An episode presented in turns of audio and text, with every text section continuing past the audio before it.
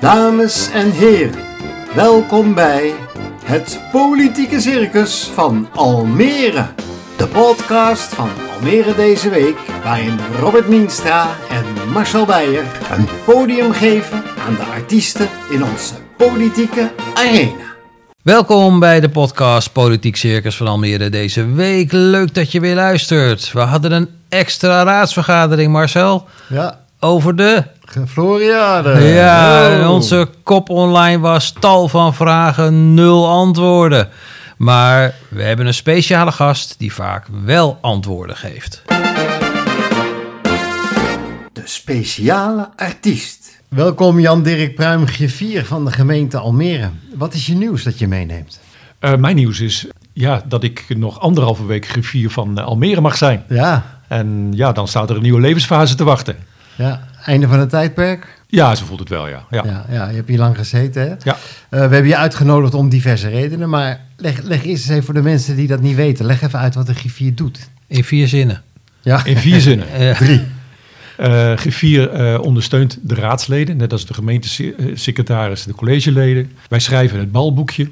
Wij zorgen dat de dansvloer eh, goed op orde is. Desnoods oefenen met de raadsleden de dans. Dat ze allemaal weten dat ze of voor de wals of door de tango komen. En als ze in die arena, die mooie raadzaal van ons staan, dan doen ze het alleen. Ja, je bent dus een soort reddingsboei voor ze eigenlijk. En alles wat hen helpt om goed in die, eh, op die dansvloer te staan, in die arena te staan, Ja. dat eh, doen wij. Nou, nou, nou ben je niet op je mondje gevallen en je komt regelmatig zelf in het nieuws. Wat, wat opmerkelijk is voor een griffier, want meestal acteren ze op de achtergrond. Maar van de week riep jij in het blad Binnenlands Bestuur... pleit hier ervoor dat in de gemeenteraad alleen nog maar lokale politieke partijen... aan de gemeenteraadsverkiezingen zouden moeten meedoen. Dat is wel heel opmerkelijk. Nou ja, ja voor mij niet. Ik heb dat eh al eens eerder eh, opgemerkt. Komt ook wat er nu landelijk gebeurt. Dus wat ik daar zie is nou ja, een, kwestie eh, in Den Haag. En daar doen ze maar stinkend hun best voor. Maar het brengt ook met zich mee dat er wat minder vertrouwen in die politiek zich ontwikkelt, ontstaat. Nou, dat zie ik altijd eh, ja, met leedwezen, zou ik bijna zeggen, eh, aan.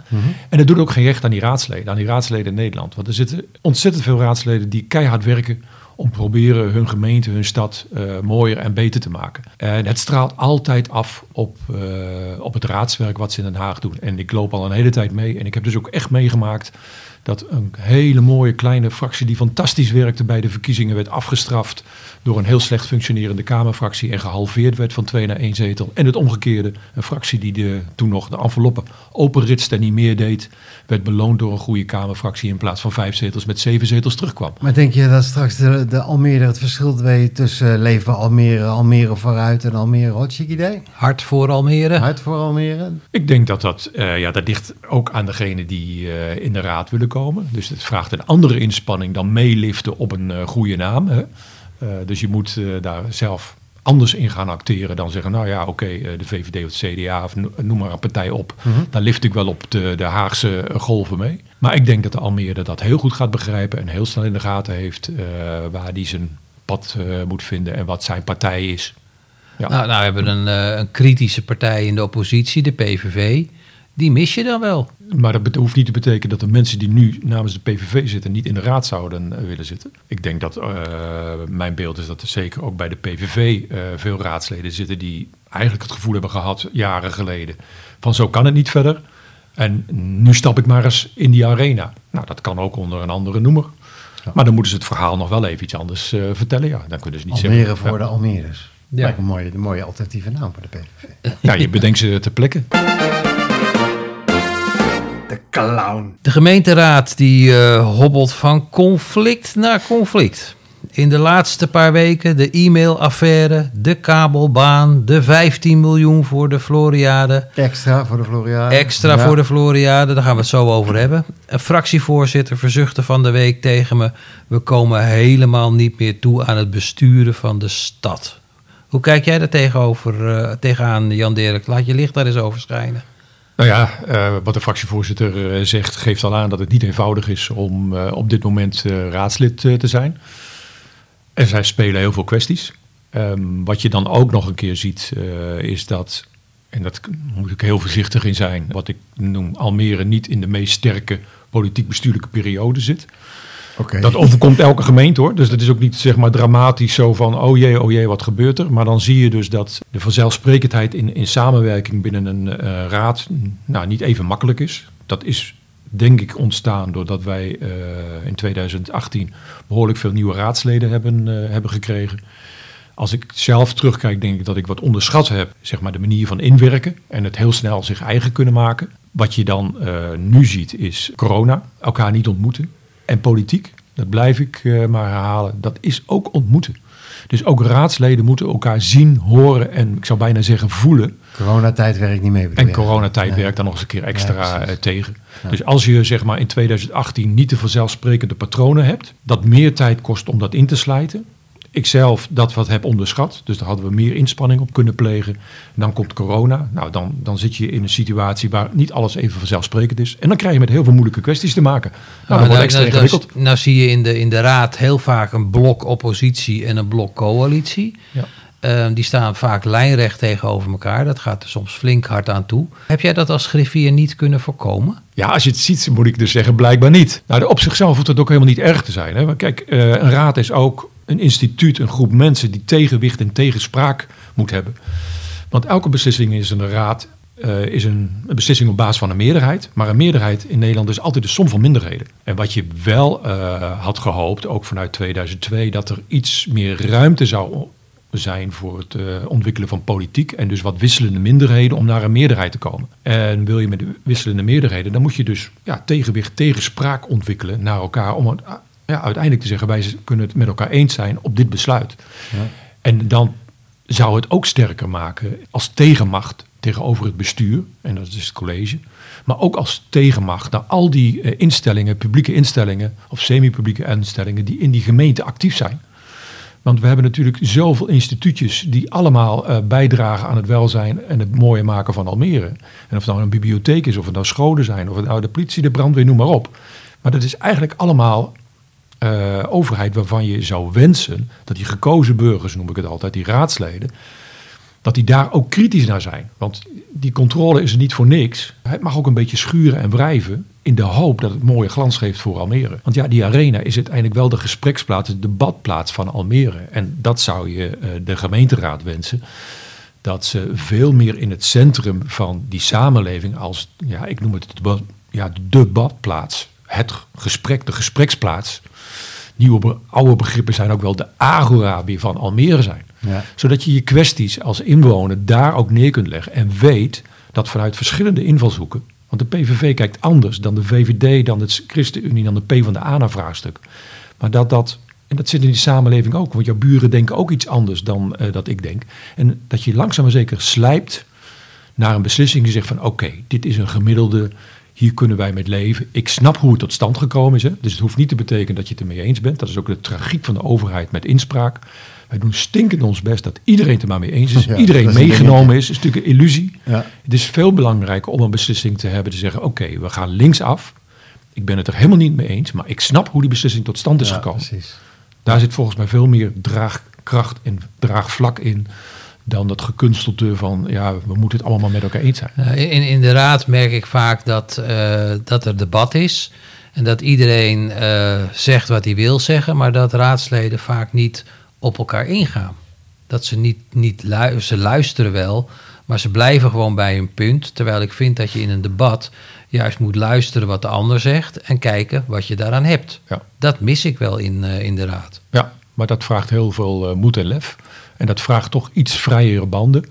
Ehm, Je zit aan de fractiediscipline vast. Ja, nou ja, je zit dus ook wel vaak in coalitiedwang. Hè? Eh, Dus Ja, eh, eh, dat is natuurlijk de sowieso de tragiek voor de raden in Nederland. op basis van, van coalitievorming. Dat dat met zich meebrengt eh, fractiediscipline. Nou, en voor hoofdkwesties is dat helemaal niet zo gek om dat eh, te doen. Maar je zou wensen dat aan de basis en, eh, dat daar meer ruimte is. Ja. En dan kun je denk ik tot een beter ja, gesprek, debat komen. Je ziet ook wel in, in raden dat, dat we zo bang zijn om fouten te maken. En ik roep iedere keer van, joh, hier heb je juist de ruimte om ook eens een keer een beetje onderuit te gaan. Om het zo... eh, Dat is dan die onervarenheid van de raad. Ja, je moet oefenen, je moet meters maken. Want je zult maar in die arena staan. Hè? Het, Ja, het- ja. het is een prachtige zaal. Ik vind het de mooiste raadzaal van Nederland. En niet omdat ik er zo lang mag werken, maar echt prachtig die arena. Maar als je achter dat katheder staat, nou, dat geeft best spanning. Ja, dat geloof ik. En ehm, ja, dat moet je dan maar doen. Dus dat moet je een aantal keren doen. Het olifantennummer. Afgelopen dinsdag vergaderde de Raad over de 15 miljoen extra voor de Floriade. En de conclusie van die vergadering was dat niemand weet hoe het zit, waarvoor dat geld nodig is, waarom. Geen idee hebben ze in het stadhuis, dus wij ook niet. Maar Jan Dirk, ik herinner mij dat je in 2015 een brief aan de Raad hebt geschreven over die Floriade. Wat was je voorspelling in die brief? Er zat een voorspelling in, maar ook een, eh, een waarschuwing in. Dan moet ik even toch wel terug in de tijd. Eind 2011 zei het college, we gaan een bidboek opstellen voor eh, de Floriade. Eh, de raad heeft toen gezegd, de toenmalige raad, wij gaan een verkennisgroep in het leven roepen en wij gaan toetsen als we voor die beslissing staan, waaraan wij dat gaan afwegen of we dat willen, ja dan nee. Toen was het zeg maar midden 2012, en toen zei het college, ik weet het nog een keer, eh, wat bestuurders in mijn kamer van, goh, de raad heeft het helemaal niet begrepen, want het gaat niet over de Floriade, het gaat over een bidboek, het gaat over het winnen van een wedstrijd. Dat vond ik wel oude politiek, Eh, dat was politiek van de vorige eeuw. Maar zo is het eindelijk wel, zeg maar, de beslissing tot stand gekomen. Wij gaan voor de wedstrijd. En als we de wedstrijd gewonnen hebben, dan gaan we het uitwerken en dan gaat u beslissing nemen of we een Floriade willen, ja of nee. Nou, toen was inmiddels 2015, er lagen een aantal voorstellen voor. De raad had in mijn beleven nog nooit de beslissing genomen, wij willen een Floriade.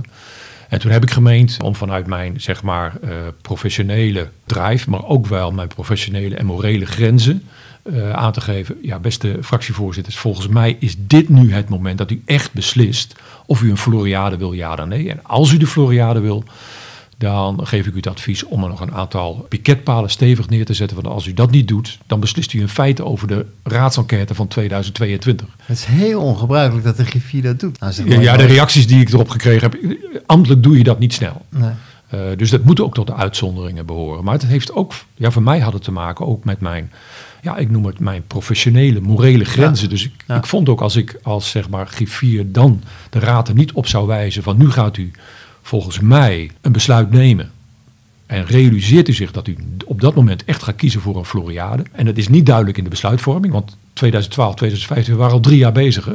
En in mijn overtuiging hadden we niet het besluit genomen in Almere dat we de Floriade gingen organiseren. Ja, dat is, Nou, dat zou het moment zijn. En dan vind ik dat ik vanuit mijn ambtelijke status dat toch voor moet leggen. Wat je er dan ook. eh, Je voorspelde een raadsenquête, die gaat er die dus gaat komen. komen, ja. Nou, ik voorspelde geen raadsenquête. Mijn zeg maar, eh, professionele ambitie was: er is een groot project. Almere kende Omniworld. Een van de dingen was daar ga niet in die fuik zwemmen. Ging ook fout, hè? Ehm, dus de ambitie is, wij trekken als raad met zeg maar de, de tegenwicht, de tegenspraak, heel scherp, de countervailing power, mooi Engels, ten opzichte van bestuur en de Floriade. Maar daarmee maken we het mooier en we voorkomen dat aan het eind van de rit overschrijdingen zijn en dat er enquête nodig is. Dus als je dan de vraag stelt van eh, slaag je erin, dan zeg ik eh, nee, dat is eh, toch wel een diepe teleurstelling. Andere kant, er is wel zoveel bekend op dit moment dat je je ook af kunt vragen of je in 2022 je nog een enquête moet aandoen als Almere. Eh, Oh, wat zeg je nu? Nou je ja, moet toch controleren, je moet, je moet toch verantwoording afleggen. nou ja, dat zou nog de reden kunnen zijn dat je zegt, in die verantwoording hebben wij het instrument enquête nodig. Nou, mijn advies zou in deze fase zijn, er is zoveel bekend inmiddels over de, eh, de Floriade, er is zoveel over gedebatteerd, daar komen geen nieuwe feiten naar voren. Dus ga niet nog twee jaar die zwarte schaduw doorzetten in een nieuwe raadsperiode. Fractievoorzitter Hans van Dijk, die was in dat debat, Marcel, eh, van de ChristenUnie, is Hans van Dijk. Die was best pittig eh, over die 15 miljoen. Dat is best bijzonder voor de ChristenUnie. was best Ja. bijzonder voor de ChristenUnie. Ik weet wel dat ze bij de go, no-go wel twijfelden. Maar zullen we even bellen? Ja. Om te kijken hoe hij er tegenaan kijkt na die gemeenteraadsvergadering. Met Hans van Dijk, goedemiddag. Goedemiddag, eh, meneer Van Dijk. U spreekt met Robert Mienstra van de podcast Politiek Circus van Almere deze week. Ik bel, u, ja, ik bel u even over eh, het Floriade-debat van afgelopen dinsdag. Daar had u nogal een eh, pittige mening. Ja, nou ja, wij, wij zijn, ja, de woorden schieten gewoon tekort. Ik heb er gezegd, we begonnen in boosheid eh, en verbazing en, en we zijn geschokt. En we begrijpen absoluut niet hoe dit kan, om het zo maar even te zeggen. Dat het zomaar uit de lucht zou komen vallen, toch nog nooit iemand daaraan gedacht heeft. Nou, dat heb ik geprobeerd dinsdagavond eh, onder woorden te brengen. Want ja, ja ik, we hebben er nog steeds geen woorden voor. Eh, toen eh, er besproken werd over de go of no-go van de Floriade, toen heeft Ja. u daar heel diep over nagedacht in de fractie. Eh, Ja. Ik bespeurde toen wel enige twijfel nog. U bent toen eh, toch voor de go gegaan. Hoe staat u daar nu in? Nou ja, ik heb ge- dinsdagavond ook gezegd dat eh, vorig jaar voor ons al een zeer moeilijke afweging was of we wel of niet zouden doorgaan met de Floriade. Eh, mijn fractie heeft nu gezegd, we hebben te weinig informatie. Hè. Er is formeel ook nog geen aanvraag. Dus ik heb het verwoord dat we hebben gezegd, ja, we willen echt de onderste steen eh, moet bovenkomen. We vinden dat elke eventuele extra euro verantwoord moet zijn. Maar op dit moment zeggen we eigenlijk tegen de, de directie en de raad van commissarissen: ga het zelf maar oplossen. Elk ander bedrijf eh, kan ook niet naar zijn aandeelhouder toe gaan en zeggen: ik heb geld nodig.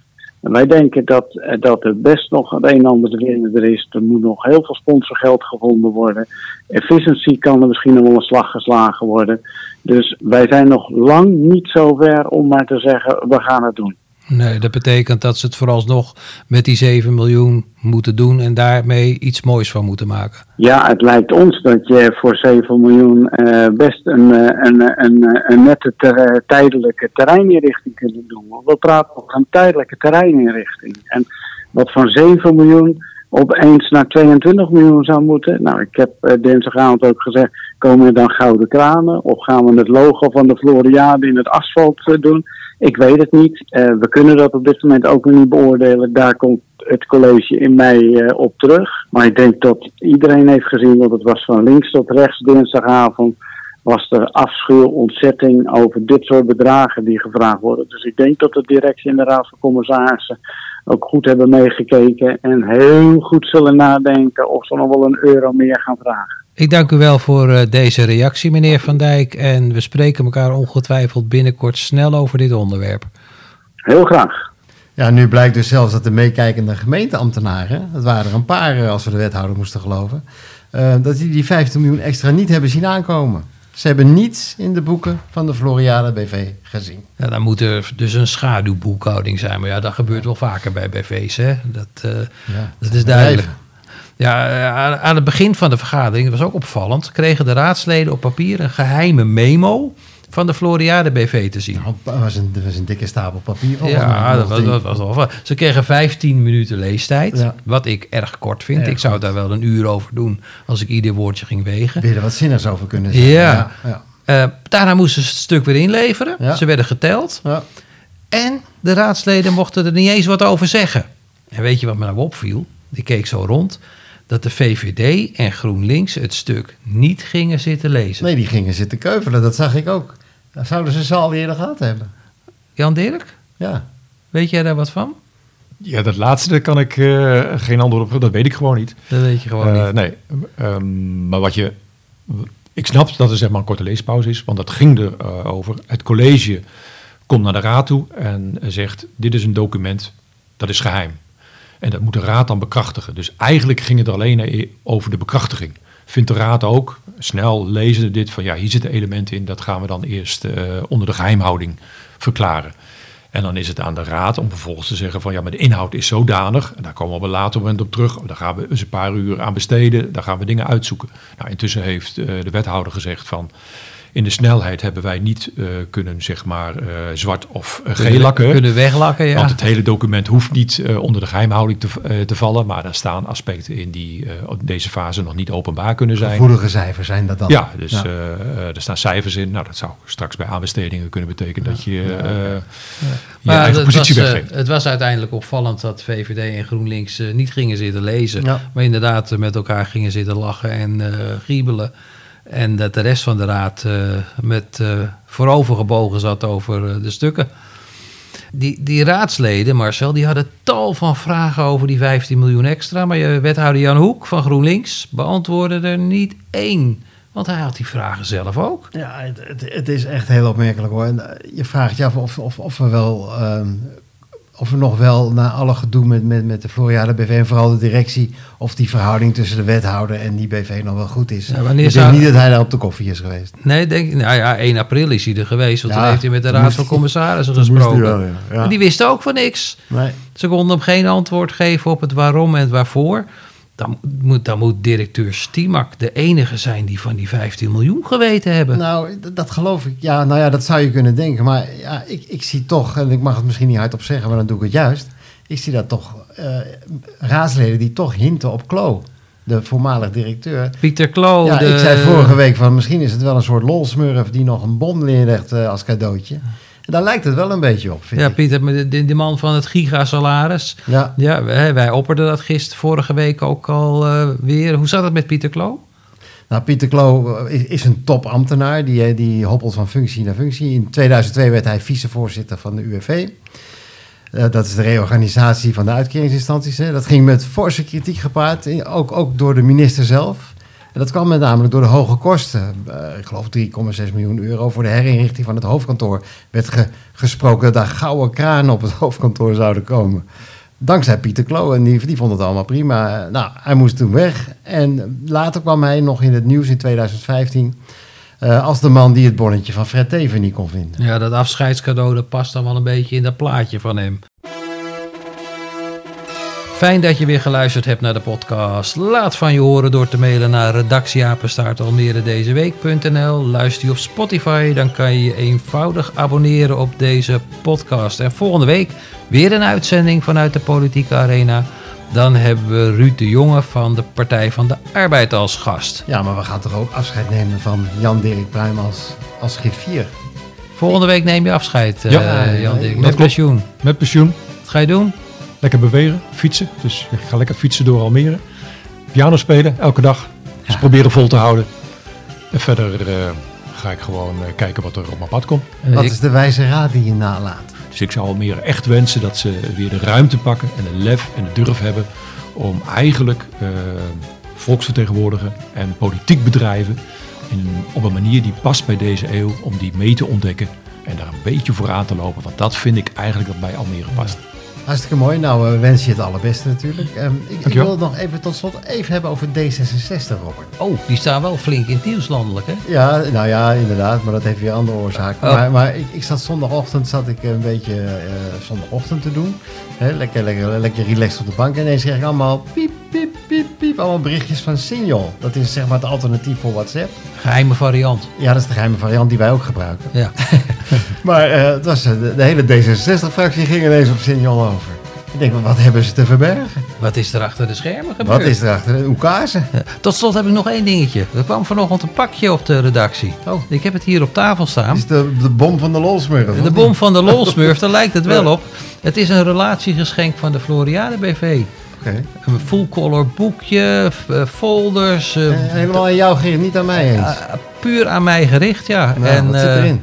Ik, ja, ja, dat zei ik. Een boekje, Oh. full color, foldertjes, potjes met kruidenzaadjes. En ik dacht van jongens, we hebben toch maar 7 miljoen om te besteden. Ja. Maar inmiddels, ja, we hebben 15 miljoen extra. Dus er kan er wel een, Nou, is relatiegeschenkje af. Ja. Eh, zet je dat op je balkon van je flat neer of zo, die? Of, eh, Ja, iemand opperde al sturen terug. Maar ik moet er nog even over nadenken. Ik zou zeggen, tot volgende week. Tot volgende week.